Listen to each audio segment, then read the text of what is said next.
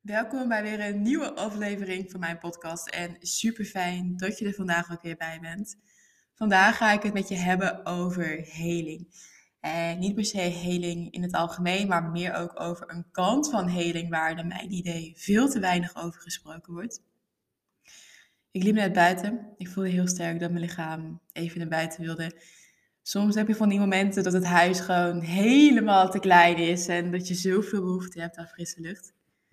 Vandaag was er zo'n momentje en heb ik snel mijn jas aangetrokken, mijn schoenen aan en ben ik naar buiten gegaan. En ik liep in de zon.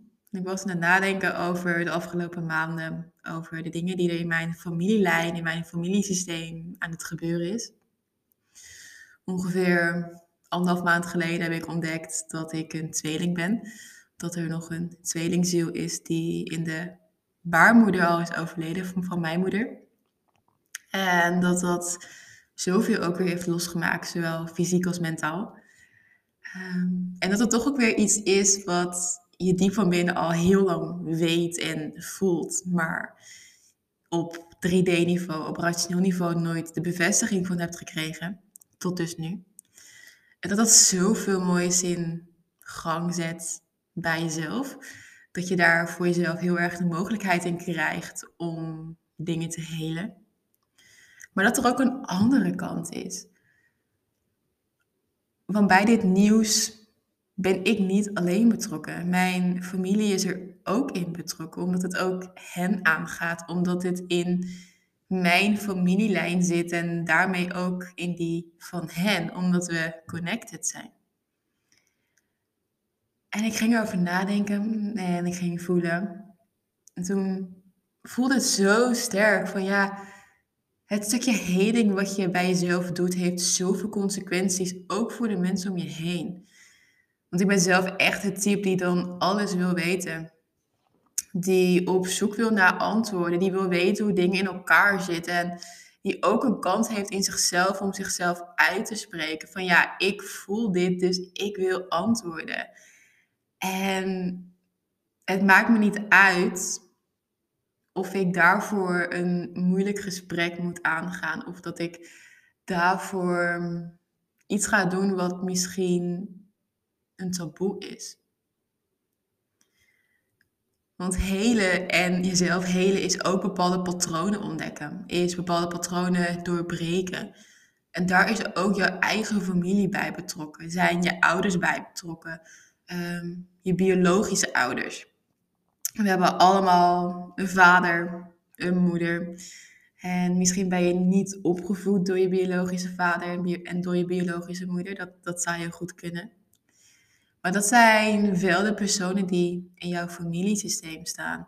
En jouw familiesysteem is jouw eigen systeem waarin al je familieleden staan, met wie jij een connectie hebt. Dat zijn je biologische ouders, eventuele broertjes en zusjes, je opa's en je oma's en de mama's weer van je opa's en je oma's. En ga zo maar je hele stamboom door. En al die familielijnen hebben allemaal een connectie met jou. Ze zijn allemaal in dezelfde generatie als het ware. Dus op het moment dat er iets met je oma is of met je opa, kan het zijn dat jij dat ook hebt, omdat het in dezelfde lijn zit. Het kan dan een soort van overgeërfd worden naar jou. En als jij in het hier en nu beslist van ja, ik ben klaar met dit patroon, of het patroon dient me niet meer, of hè, ik voel dat het anders mag, dan doorbreek je dat patroon. Omdat jij er dan voor wil kiezen om het vanaf nu voor jezelf en voor de volgende generaties, dat je het goed wil doen, dat je het anders wil.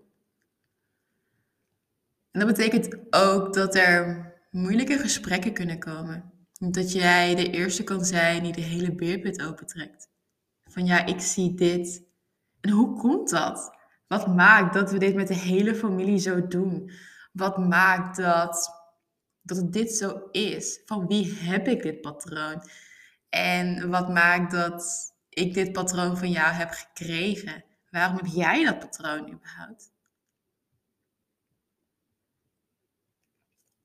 En ergens is het heel mooi om daarover in gesprek te gaan met de desbetreffende persoon. Misschien zijn het je ouders, misschien is het een oom of tante, een, een neef of een nicht of je opa en oma. Maar ik kan me ook heel goed voorstellen dat dat juist ook de gesprekken zijn die het liefst uit de weg gaat.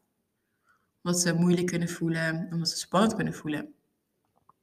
Ik weet nog dat, ehm, dat ik het zo spannend vond om tegen mijn ouders te vertellen dat, te vertellen dat ik een eetstoornis heb gehad. Dat ik het eerst ook niet durfde, er heel erg tegenop zag. Uiteindelijk een brief heb geschreven, zodat ik hen de tijd kon geven om het op hun eigen tempo en hun eigen manier te lezen en te laten landen. Te dealen ook met emoties. En om er op een later moment in gesprek mee te gaan. Van ja, zo was het voor mij. En hoe was het voor jullie? Hoe voelde het voor jullie en hoe voelt het voor mij? En vaak zijn die gesprekken best spannend, best moeilijk. Om eerlijk in gesprek te gaan met, in dit geval, je ouders. En weet dat achter de grootste weerstand dat daar zoveel moois ligt. Dat er zoveel verbinding kan liggen, connectie. Ik weet ook dat er in heel veel gezinnen, in families, niet gepraat wordt. En ik herken het ook in mijn eigen familie. En dat er dingen verzwegen worden, dat er een perfect beeld in stand wordt gehouden en dat er over de mindere dingen niet gepraat wordt. op het moment dat je praat, is er een kans op afwijzing. kan je het gevoel hebben dat je afgewezen wordt door de rest van je familie. Misschien denk je dat je dan niet meer voldoet aan bepaalde criteria, dat je er niet meer bij hoort. En op dat moment voelt verzwijgen makkelijker. Want ja, zolang ik mijn mond hou, kan ik geen problemen krijgen. Hoef ik geen moeilijke gesprekken te voeren. Is er geen spanning. En aan de andere kant heeft het ook iets beschermends. Je wil anderen behoeden voor pijn en verdriet en daardoor hou je je mond. Dus ik vind ook niet per se dat er een goed of fout is, omdat het in iedere situatie anders is. En ja, Iedereen kiest ergens voor en het zal altijd een reden zijn dat iemand ergens voor kiest. Er zal ook altijd een reden voor zijn dat dingen verzwegen worden, dat dingen in jouw familie zo zijn zoals ze zijn. En dat geeft rust. En toch merk ik dat er heel veel ligt op het punt van schaamte. Dat we als collectief en als maatschappij zijn zo niet gewend zijn om te praten. Dat we zo sterk voelen dat er een taboe op ligt. Dat we alles voor onszelf houden. Dat, dat, ja, dat we zo bang ergens zijn om echt ook dat gesprek aan te gaan. Om echt te communiceren, om elkaar echt te zien.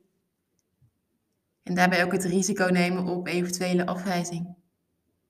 Terwijl we in de kern niet afgewezen kunnen worden door een ander, maar alleen door onszelf.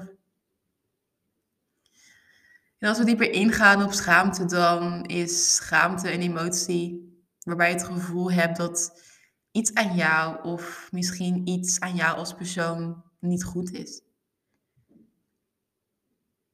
Je kan een soort van bevriezen. Zo van, oh, maar dit voelt zo niet goed. En ik voel gewoon dat ik mezelf hier niet kan zijn, waardoor ik bevries. Het gevoel dat je kan krimpen, het gevoel dat je wil verdwijnen, het gevoel dat je wel door de grond kan zakken van schaamte. Je wil er niet meer zijn, je wil niet meer gezien worden. En op het moment dat we schaamte voelen, vallen we als het ware onszelf aan. We hebben het idee dat we niet goed zijn. Het is ergens ook een vorm van angst. De angst om er niet meer bij te horen. De angst om afgewezen te worden om een vorm van liefde te verliezen, een vorm van macht of sociale status. En toch is het een onschuldige emotie. Want emotie schaamte komt voort uit de need to belong. Je wil ergens bij horen, je wil gezien worden. Want wij als mens zijn sociale dieren. We willen bij een groep horen, want anders overleven wij het niet. En als we schaamte helemaal gaan ontmaskeren en gaan definiëren, dan is schaamte een combinatie van drie dingen.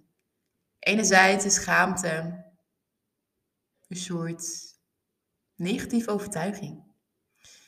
Een negatieve overtuiging dat iets aan jou niet goed is. Dat je niet voldoet aan criteria, aan verwachtingen. Dat je bijvoorbeeld stom bent, dat je raar bent, dat je lelijk bent of dat je zwak bent. Anderzijds is schaamte ook een emotie. Het gevoel dat je niet goed bent. Een gevoel van dreiging, een gevoel van afkeuring of afwijzing. En als laatste is het ook een lichamelijke sensatie. Denk maar eens terug aan de laatste keer dat jij je ergens verschaamde. Misschien werd je rood, misschien ging je zweten, misschien voelde je je klein worden, voelde je in elkaar krimpen. Dat zijn allemaal sensaties die horen bij schaamte. En waarom schamen we ons nou? Op het moment dat jij kind bent, leer je al wat normen zijn. Je wordt opgevoed door je ouders of door je verzorgers. En in opvoeding ontstaan er soms ook dingen over hoe je denkt dat je je moet gedragen of hoe je je hoort te gedragen. En dit komt voort uit ouders, uit religie, uit leeftijdsgenoten. En soms projecteren andere mensen ook hun schaamte op jou. En al die ervaringen uit onze jeugd zetten we zelf om in regels voor onszelf. En hoe strenger die regels zijn, hoe meer schaamte we ervaren, hoe meer schaamte we voelen. En hierdoor schaamt de een zich wel als iets niet lukt en heeft de ander zoiets van, nou weet je, prima, volgende keer beter. Dus vaak is schaamte extra naar wanneer dit komt door een oud gevoel vanuit vroeger. Het gevoel dat er vroeger iets niet goed was aan jou, dat je daarbij toen bent afgewezen. En de schaamte van toen komt nu soms mee als we iets raars doen, iets vervelends, iets verkeerds of hè, iets doen of zeggen. En daardoor voelt de schaamte veel groter dan je zou verwachten bij een bepaalde gebeurtenis. En uiteindelijk, elke emotie heeft een functie. Dus ook schaamte zal een functie hebben. En bij schaamte is het dat jij wil aanpassen aan de groep, aan de normen van een groep. Zodat jij gezien wordt, zodat je geaccepteerd wordt. We zijn als mens kwetsbaar. We moeten deel uitmaken van een groep voor onze veiligheid, voor onze overleving. En vroeger was het zo belangrijk om jezelf te beschermen, omdat er zoveel gevaar was. Maar ook nu hebben we anderen nodig. Willen we praten, willen we verbinding. We kunnen het niet alleen. We hebben allemaal verbinding nodig. We hebben allemaal liefde nodig. En het is een gevoel wat ons soms daarvan kan weerhouden.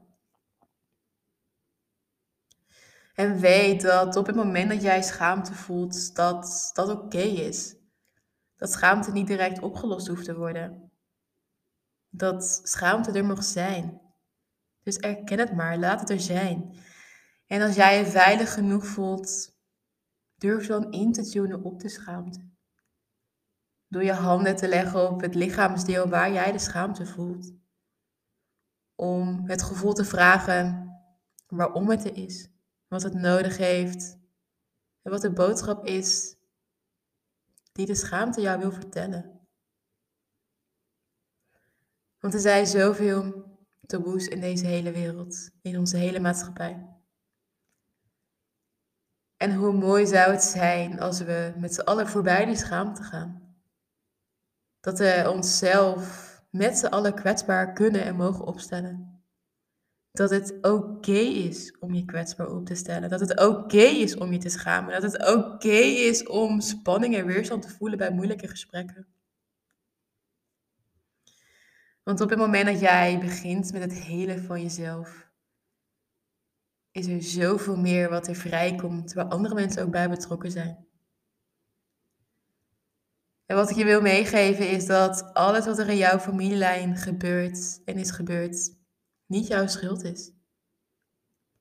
Jij bent niet verantwoordelijk voor de schuld en emoties van een ander, dus maak het ook niet jouw schuld. Laat ze bij de ander en maak het ook niet jouw verhaal. Jij bent nu hier in het hier en nu en geef jezelf dat wat jij nodig hebt voor jouw eigen heling. En als dat een gesprek is met iemand uit jouw familielijn, ga het gesprek aan. Als het een moeilijk gesprek wordt, is dat ook oké. Als de ander boos wordt omdat jij patronen gaat onderzoeken, is dat ook oké. Hoe moeilijk dat misschien ook voor je is. Ga door die weerstand heen. En hoeveelheid weerstand laat altijd zien hoeveel moois er achter die weerstand zit. Hoeveel groei, hoeveel verbinding, liefde of dankbaarheid. Laat deze woorden landen. Ik ben heel benieuwd hoe deze woorden voor jou voelen. Of deze woorden voor jou resoneren en er in jouw familie ook bepaalde dingen zijn waar niet over wordt gepraat. Dat er dingen worden verzwegen, maar je wel heel sterk de behoefte hebt om bepaalde dingen te onderzoeken. En niet om het onderzoeken zelf, maar om voor jezelf antwoorden te krijgen. Van ja, wat maakt dat het zo is? Wat maakt dat we dit zo doen? Als jij die drang voelt, echt, ga ervoor. Ga op onderzoek. Nodig de mensen uit met wie jij in gesprek wil. Ga dat moeilijke gesprek aan. Voel de spanning. Voel alle emoties, mogen er allemaal zijn. Weet dat jij in dit moment kan helen voor jezelf en kan helen voor alle volgende generaties die nog gaan komen. En als je voelt dat je iets met mij wilt delen, weet dat alles welkom is. Alles is oké. Jij bent oké. Geen verwachtingen, geen oordeel, geen pressure. Maar zijn in, in dit moment met alles wat zich nu ook weer aandient. En dan wil ik jou heel erg bedanken voor het luisteren naar deze podcast. En tot in de volgende aflevering.